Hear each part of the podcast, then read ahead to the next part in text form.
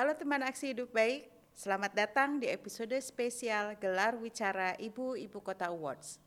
Hari ini kita akan ngobrol dengan Mbak Hana dari Waste for Change. Seperti apa aktivitas yang dilakukan Mbak Hana dan teman-teman dalam mengolah sampah? Yuk kita simak ceritanya.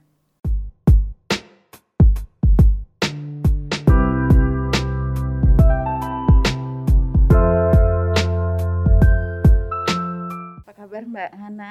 Alhamdulillah kabar baik Bu Ferry. Gimana kabarnya Bu Ferry juga? Alhamdulillah sehat. Nih. Alhamdulillah. Eh, terima kasih ya Mbak Hana sudah mau menjadi tamu spesial kita hari ini Siap. untuk ngobrol-ngobrol tentang sampah ini ya Iya sebetulnya. benar. Eh, Mbak Hana, eh, gimana awal ceritanya Mbak Hana bergabung dengan Waste for Change? Oh iya, memang sesuatu yang nggak lumrah gitu ya Bu. Mungkin Hmm. untuk anak muda eh, kok malah terjun ke Sampah sampah, gitu. gitu ya. Heeh, kayak apa itu memang ada bisnis sampah gitu kan. Mm. Eh, memang awalnya itu sejak SMA sih. Jadi Mm-mm. saya diracuni sama sebuah drama dari salah satu TV swasta Taiwan.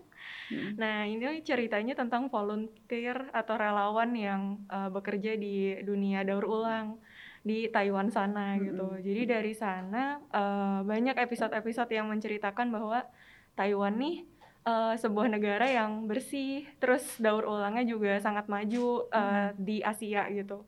Dan dari situ saya bertanya-tanya gitu, kenapa ya di Indonesia kok saya nggak pernah dengar soal isu daur ulang ini di masyarakat Mm. akhirnya dari SMA eh, banyak ngulik gitu cuma memang saat itu tahun berapa ya mungkin sekitar tahun 2005 ya Mm. itu masih belum banyak lah nggak seperti sekarang kalau Hmm. kita cari tahu tentang daur ulang tuh sudah banyak informasinya Oke. jadi dulu tuh masih eh, website-websitenya mungkin lebih banyak yang em, terlalu serius gitu dan Hmm. terlalu teknikal gitu. Hmm. Nah akhirnya dari sana banyak eh, belajar-belajar, tapi memang belum eh, diseriusin.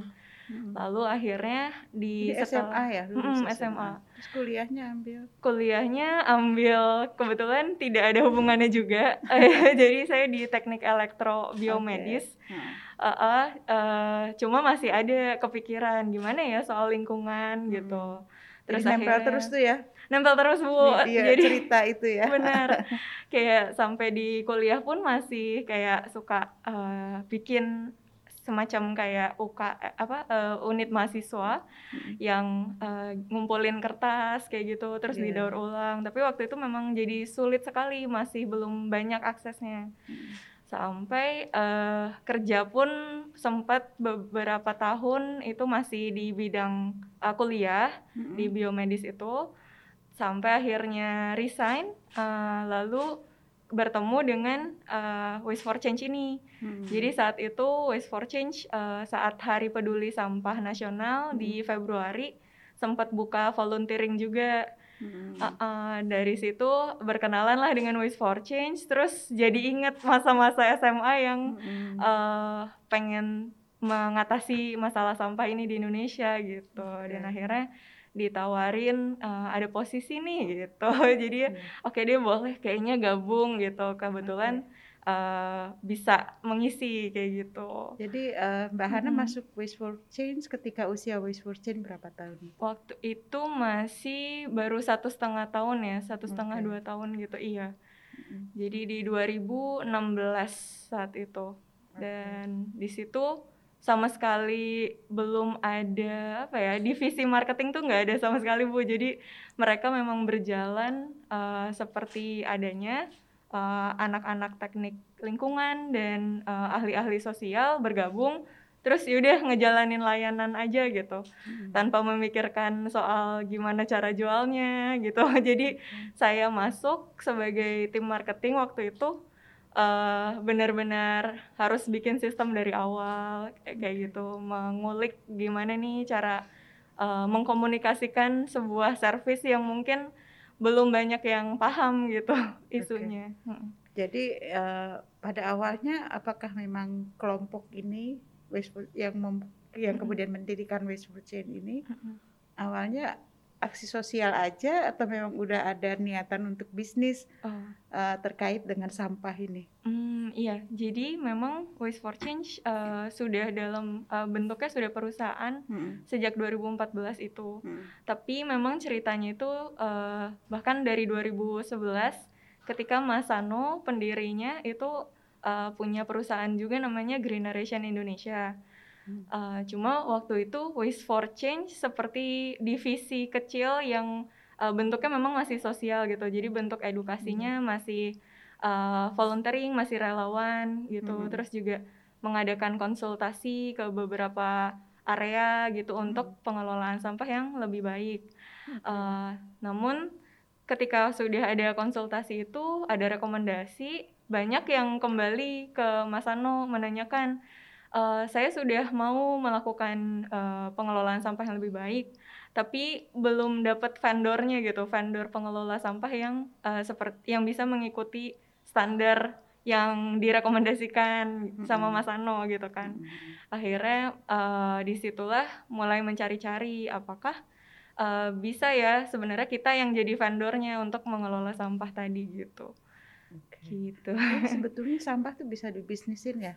Eh ya kalau sebenarnya memang ini sih mungkin ngelihatnya dari seperti startup gitu ya Mm-mm. ketika ada masalah pasti ada solusi bisnisnya gitu Oke. karena kan mungkin di masyarakat Indonesia seperti pemilahan sampah itu belum biasa ya bu Mm-mm. Eh, maksudnya saya sendiri juga dari kecil nggak tahu itu pemilahan sampah apa. Padahal ketika kita mencampur sampah itu ada nilai material yang terbuang dan ada dampak negatif yang cukup besar, em, yaitu misalnya salah satunya penumpukan sampah di TPA yang akhirnya itu berdampak buruk juga ke lingkungan gitu sih. Jadi Iya. dari situ ada sedikit eh, celah gitu di mana oke supaya gerakannya itu sustainable atau selalu berkelanjutan jadi bukan hanya bergantung oleh donasi atau Hmm. dana CSR Maka Eh, harus ada mm-mm, harus, ada, ge- eh, generating ini betul income-nya. betul betul kita Oke. cari gimana caranya kita memberikan value tambahan sehingga memang dinilai eh, layak untuk eh, dibayar gitu lah istilahnya Oke. gitu Nah, Lalu Mm-mm. apa sih yang dikerjakan Waste for Change Mm-mm. ini untuk terkait dengan sampah? Oh iya, jadi di Waste for Change sendiri eh, kita melakukan pengelolaan sampah dari hulu ke hilir, Mm-mm. artinya mulai dari edukasi, terus kita melakukan riset konsultasi juga. Jadi kalau misalnya di sebuah area itu belum ada sama sekali pengelolaan sampah atau pengelolaan sampahnya itu sangat buruk, itu eh, kita bisa lakukan rekomendasi dulu, riset dulu. Terus nanti kita melakukan rekomendasi seharusnya sistem pengelolaan sampahnya seperti apa. Heeh, dari situ pun sebenarnya sudah ada istilahnya seperti jasa konsultan. Oke. Heeh, jadi di situ eh, kita pun ada bisnis unitnya. Oke. Heeh, lalu eh, setelah udah ada rekomendasi, udah diedukasi masyarakatnya, nanti eh, pengelolaan sampahnya mulai dari pengumpulan dari masing-masing rumah atau perkantoran gitu, terus diolah di rumah pemulihan material kita. Hmm. Nah, mungkin yang banyak dilupakan itu eh, titik tengahnya ya Bu ya, si Mm. rumah pemulihan material ini atau kalau di Indonesia TPS 3R Pemulihan material. material, betul. Mm. Jadi di situ adalah tempat di mana eh, sampah-sampah tadi walaupun kita sudah meminta klien kita untuk memilah, butuh disortir lebih detail lagi tuh, Bu, di rumah pemulihan material ini. Nah, kadang yang suka lupa itu kita langsung loncat ke hul- eh, ke hilirnya ya. Eh, jadi kita ngomongin soal eh, waste to energy misalnya atau eh, langsung diproduksi jadi apa? Iya, gitu. iya. Padahal sebenarnya yang paling penting justru tengahnya. Mm-mm. Ketika eh, bagaimana setiap material itu dipulihkan gitu kalau bahasa kita. Iya. Heeh, karena Dipulihkan itu maksudnya ada Hmm. yang kotor, ada Betul. ada Bisa. materialnya beda-beda yang itu oke dipisah lagi. dipisah lebih detail lagi. Heeh. Karena misalnya saya kasih contoh Bu, kayak misalnya di plastik itu ada tujuh jenis sebenarnya uh, materialnya kayak ada PET, HDPE gitu macam-macam. Mhm. Terus dari tujuh itu pun kayak kita bisa sortir lagi berdasar warna gitu. Karena nanti hasil daur ulangnya pasti akan berbeda gitu. Oke. Mm-mm. Ah, berarti waste for change ini kan tadi ada konsultasi, Mm-mm. ada pengolahannya ya, Betul. ada juga kemudian produk akhirnya. Mm-mm.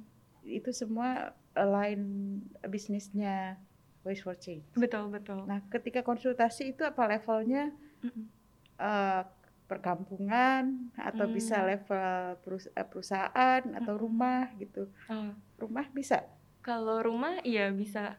Eh, cuma memang di sini kayak dari kami em, idealnya itu memang ada pemberi dananya untuk melakukan riset tersebut dan pendampingan masyarakatnya gitu. Jadi biasanya di sini masyarakat umum itu dianggap sebagai eh, beneficiaries gitu, pemberi penerima, Penerima manfaat. manfaat, betul gitu. Jadi nanti biasanya eh, yang datang ke kita itu departemen CSR dari perusahaan A Mm-mm. eh, ingin melakukan CSR di area sekitar kantornya misalnya Mm-mm. kayak gitu. Terus nanti kita adakan pendampingan misalnya eh, pembentukan bank sampah gitu. Terus Oke. kita dampingin dari mulai pembentukannya sampai nanti beberapa bulan pengelolaan bank sampahnya gitu. Oke. Mm-mm. Sekarang yang bekerja di Waste for Change banyak tuh. Eh, alhamdulillah dari saya masuk dari cuma mungkin 15 orang ya, nggak nyampe kayaknya 15 orang itu sampai dan operatornya waktu itu baru 10. Hmm. Sekarang operatornya yang sortir lebih apa sortir itu Hmm. udah ada lim- 60 orang Mm. dan staffnya sendiri sekarang udah 70 80-an gitu. Dan itu lokasinya di Jakarta saja atau di banyak tempat? Di saat ini kita sudah eh, sampai di Surabaya Sidoarjo, Hmm.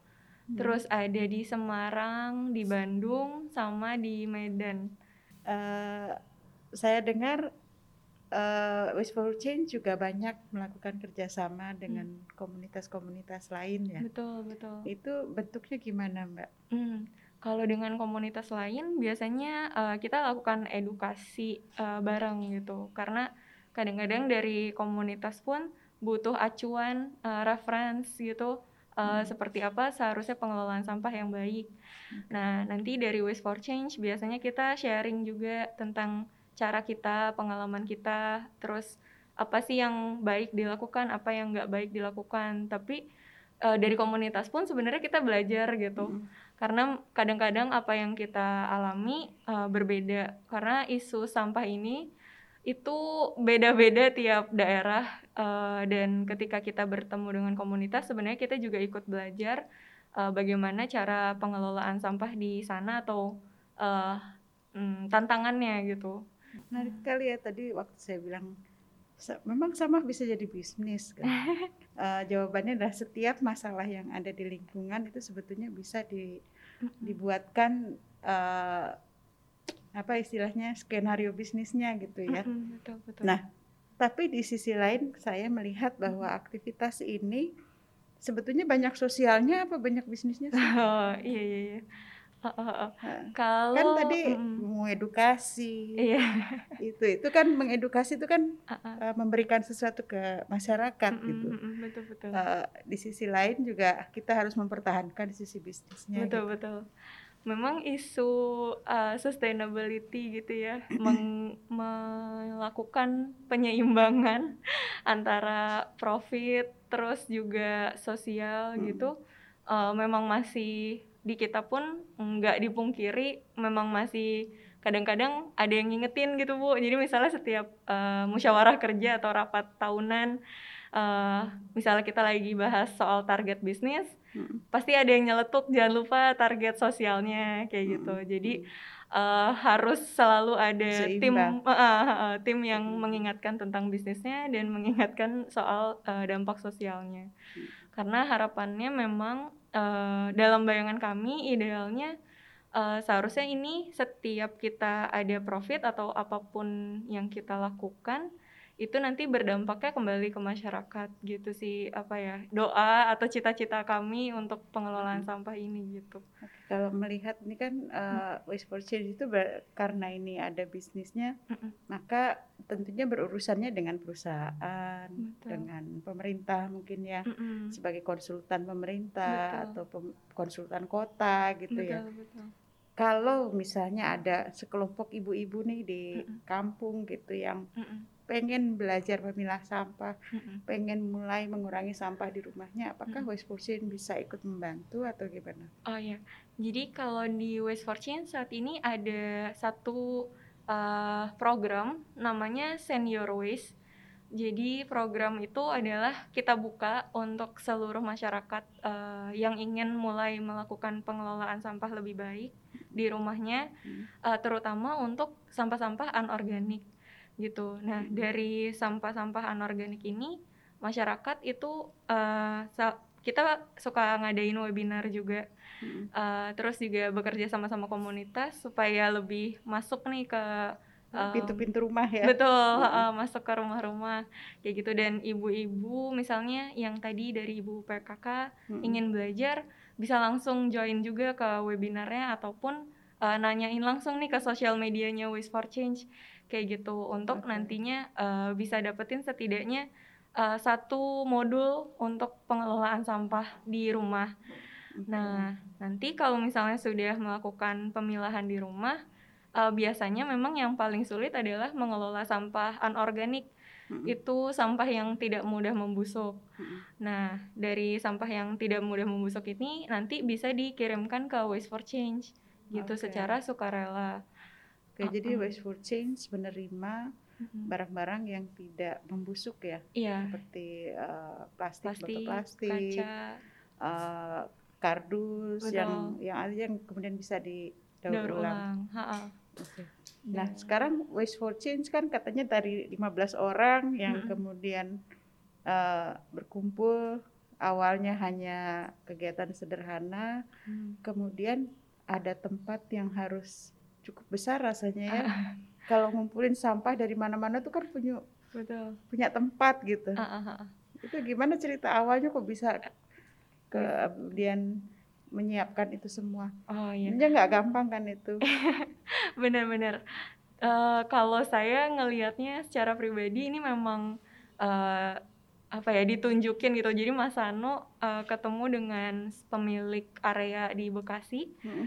yang cukup um, jadi dia baik banget justru hmm. kalau menurut saya ya karena hmm. dia mau untuk uh, menyewakan sebuah lahan gitu di area perumahannya dia dengan harga yang lumayan hmm. uh, affordable iya. juga yeah. gitu. Jadi uh, saat ini kita mengembangkan uh, atau mengumpulkan sampah-sampah itu dan mengembangkan rumah pemulihan material di sana gitu. Jadi uh, itu benar-benar di tahun 2015 awal. Jadi benar-benar pas tahun-tahun pertama pertamanya Waste for Change ketemu sama uh, pemilik area tersebut dan jadinya dari situ kita banyak bereksperimen dan jadi bisa berkembang gitu karena okay.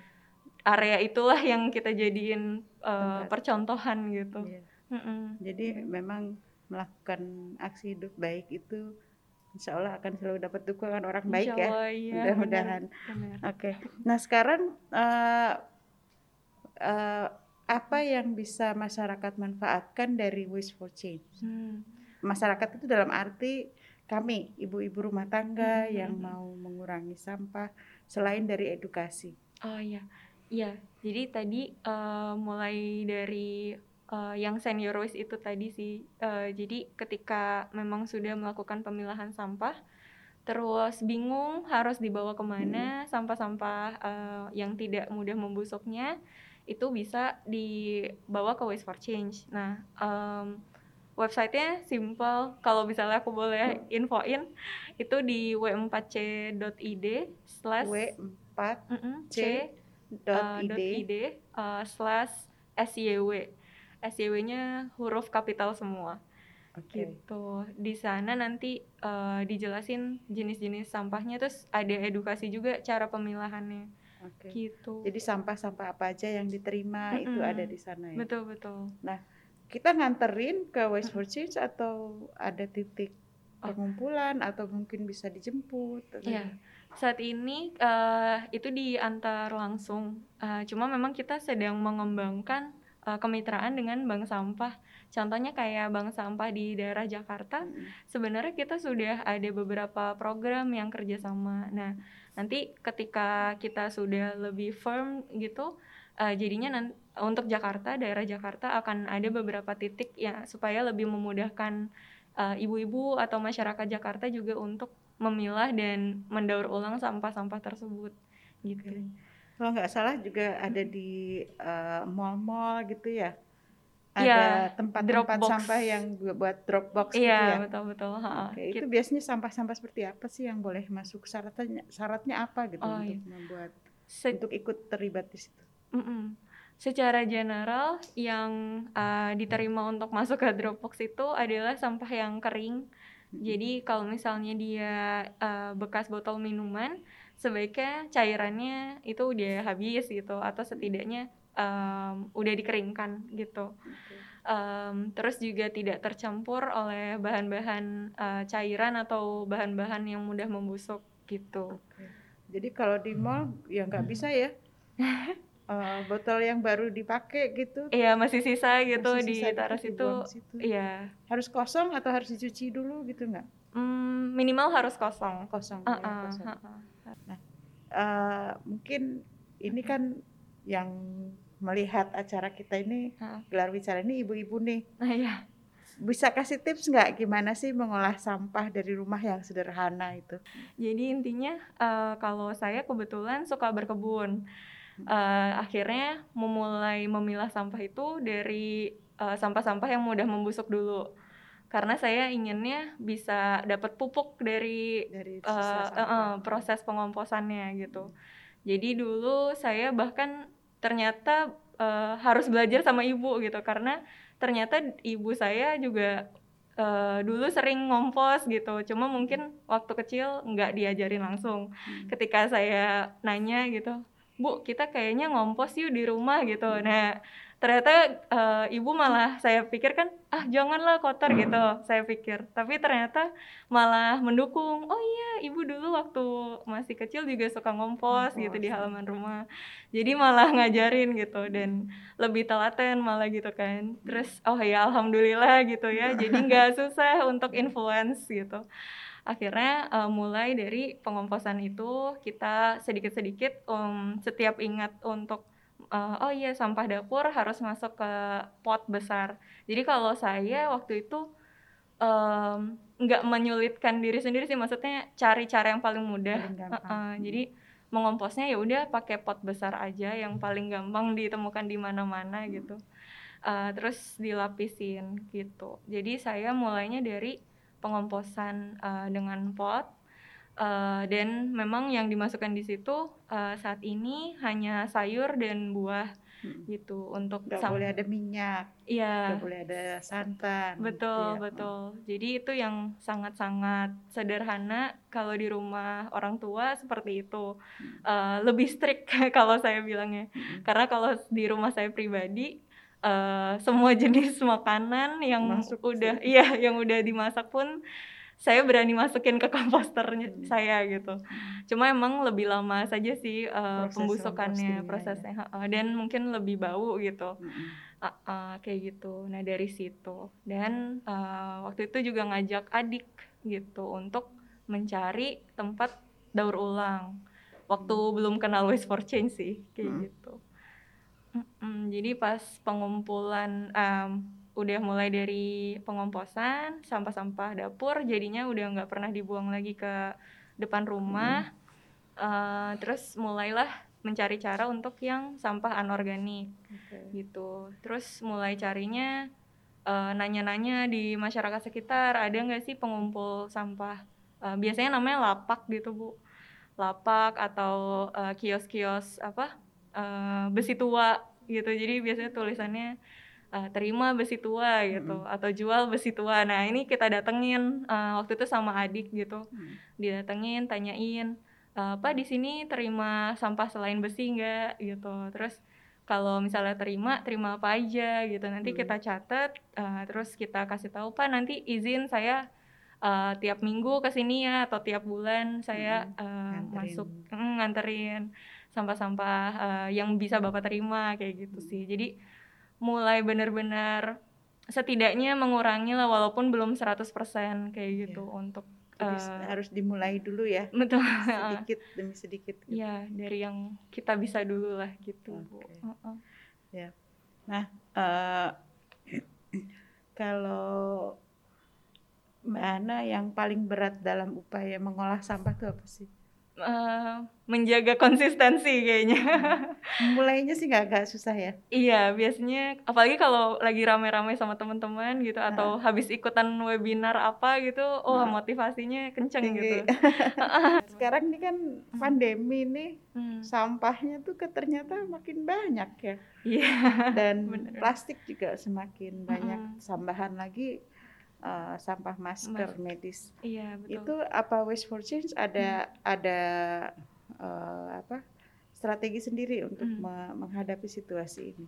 Iya, jadi untuk sampah mungkin kalau sampah yang masker medis atau em, peralatan APD gitu, Mm. kalau dari kami memang kalau misalnya dia ada di perumahan, eh, ini kita adain informasi gitu, adain edukasi juga ke tempat-tempat yang kita kumpulkan sampahnya itu harus dipisah gitu Hmm. dan sebelum dibawa atau dimasukkan ke dalam tong sampahnya itu sudah didisinfeksi terlebih dahulu Semprot gitu ya. Mm-mm, disemprot eh, alkohol atau misalnya dicuci pakai. Biclean gitu. Eh, sebelum nanti dimasukin ke tong sampahnya gitu karena memang eh, mau nggak mau itu cara yang paling bisa kita eh, encourage ya ke masyarakat karena eh, memang belum banyak tempat pengolahan eh, masker secara langsung Hmm. jadi eh, setidaknya jangan sampai virusnya masih ada di maskernya gitu jadi kita Atau pas- bahkan bukan Mm. cuma virus tapi. Bakteri-bakteri lain ya Betul, yang betul. bisa nular ke orang. Benar. Jadi kita setidaknya eh, masih menganggap itu seperti residu gitu, Bu. Jadi eh, nggak apa-apa untuk ditangani secara seperti sampah domestik lainnya, asal sudah didisinfeksi gitu. Oke. Mm-mm, itu untuk sampah medis. Kalau untuk sampah, mungkin yang nambah nih Bu, kayaknya yang plastik itu dari e-commerce ya. Jadi beli-beli apa, Barangnya kecil, Kecil, wrappingnya gede gitu bubble ya. wrap, Bubble wrap, eh, eh, sama ditambah kardus lagi gitu kan, sama plastik lagi. Iya, kalau itu tadi sih kita berusaha eh, nambah item yang kita terima. Jadi dulu em, styrofoam, bubble wrap itu nggak kita terima. Cuma ke- ketika kita ngelihat, oh nih kayaknya jadi isu lagi Mm-mm, gitu. meningkat nih banyak banget apalagi pandemi banyak yang beli-beli online gitu akhirnya kita coba cari eh, ada nggak ya yang bisa mengolah gitu nah akhirnya ketemu ada mitra pengolahan kita terus eh, kita masukin lah item itu sebagai item yang kita terima di senior waste tadi gitu Oke, jadi, Jadi- bubble wrap. Mm. Jadi apa aja sih yang diterima oleh Waste Oh, iya. Jadi se- hampir semua jenis plastik, Plastik, maksudnya ya? bisa dibilang semua bahkan. Jadi kayak saset yang mungkin banyak bank sampah belum terima, kita terima. Em, terus kayak bubble wrap juga kadang ada yang nggak terima, kita terima juga. Plastik resek juga. Nah, itu diapain itu? Jadi di kita akan disortir lagi sama operator, terus nanti masuk ke pabrik daur ulangnya bu. Oke. Dan memang Dibikin lagi sebagai ba- barang lain gitu betul ya. betul ada yang dijadiin plastik lagi ada yang dijadiin apa alat rumah tangga Hmm. eh, atau alat kantor dari plastik kayak gitu sih Jadi buat ibu-ibu yang nonton nih, Mm-mm. kalau mau bantu mengurangi sampah, jangan lupa dibersihkan dulu sampahnya yang plastik-plastik Iya. ini supaya tidak membusuk dan bisa diolah ya. betul Nah, eh tadi selain eh, menerima sampah-sampah baru ya Mm-mm. yang tidak diterima di tempat lain, Iya. itu buat ngurangin permasalahan sampah. Mm-mm. eh, ada inovasi-inovasi apa yang Hmm. kiranya kita bisa tahu nih Mm. ten- yang dikerjakan oleh Waste for Change. Iya, jadi salah satu yang mungkin baru gitu ya eh, dikenal di Indonesia juga ada kita baru launching namanya wa- waste credit.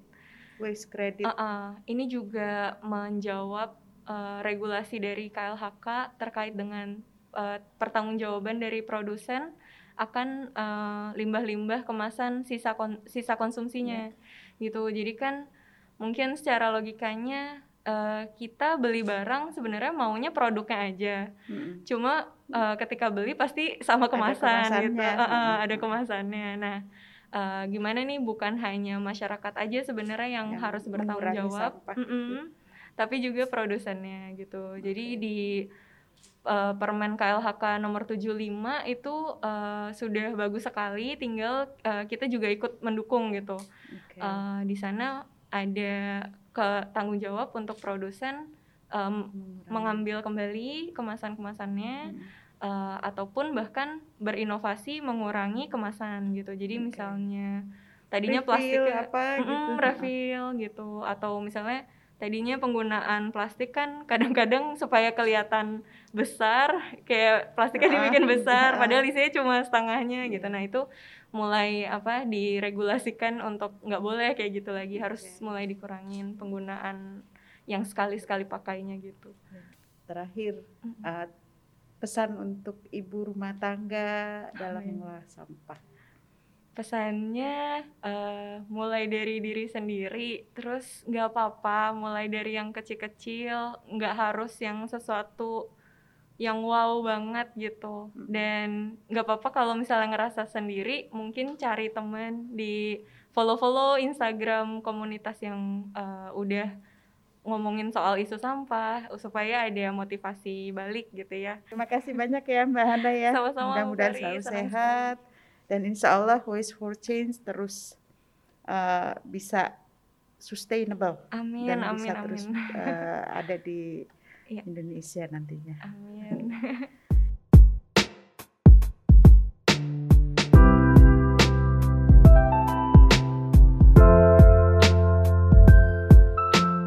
Teman Aksi Hidup Baik, demikianlah cerita kebaikan yang dilakukan Waste for Change untuk mengolah sampah demi bumi yang lebih baik. Mudah-mudahan cerita tadi menginspirasi kita untuk mulai memilah sampah dari sumbernya. Saya Ferry Farhati undur diri. Didukung oleh Plus Jakarta, Waste for Change, PT Jaya Konstruksi Manggala Pratama Tbk, PT Paragon Innovation and Technology, Batik Betawi Shop, Seraci Batik, Batik Marunda, Keluarga Batik Betawi, Rumah Betawi,